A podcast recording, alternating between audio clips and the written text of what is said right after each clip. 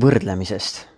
mõni päev tagasi seminaril rääkisime osalejatega õnneteemast ja, ja see küsimus, mille üle ma kutsusin neid arutlema, oli, et mis on sinu õnne ja heaolu allikad, mis on need asjad, mis loovad sinu sellist heaolu, elurõõmu, õnnelikkust.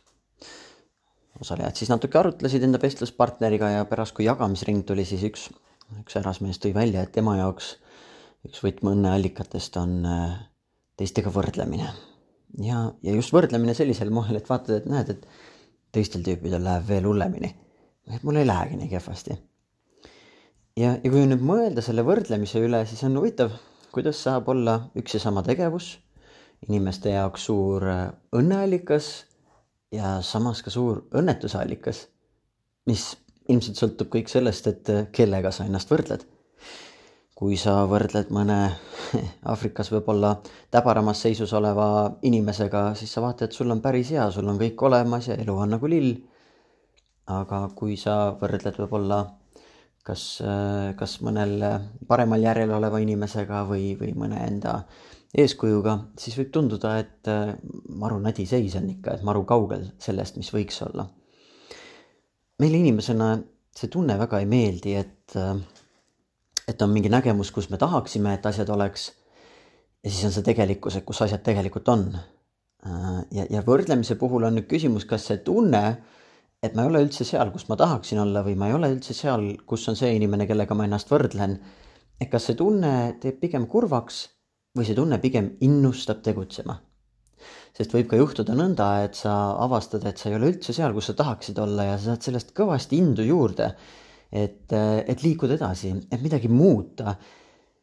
et äh, ennast paremaks muuta või, või mingil moel paremaks treenida. ja, ja see võtmeküsimus võib-olla ongi teinekord, kui tuleb kiusatus võrrelda, siis küsida endalt, et mm, mis tekitab minus praegu seda soovi võrrelda, et kas ma tahan saada seda kinnitust, et kõik on hästi või ma tahan saada seda indu, et, et saaks paremini või kui tõenäoline on, et me tahame võrrelda, et, et saada seda kurbust, et maru jama ikka, et niimoodi sandist jään. sest see kurbus paralüseerib meid, ta hoiab meid paigal. Äh, samas, kui me muudame selle innuks, siis me, siis ta mobiliseerib meid tegutsema. siis kui miski on piisavalt hea, siis me ei taha seda muuta. kui on okei okay,, siis me ei kipu nagu muutma, aga kui me saame aru, et on, asjad on halvasti, siis me võtame midagi ette eeldatavasti. seega võib-olla järgmine kord, kui näed ennast võrdlemas, siis äh, püüa lihtsalt olla teadlik sellest, mis on parasjagu toimumas, mis tunded on sinus tekkimas, mis sa nende tunnetega tahad peale hakata.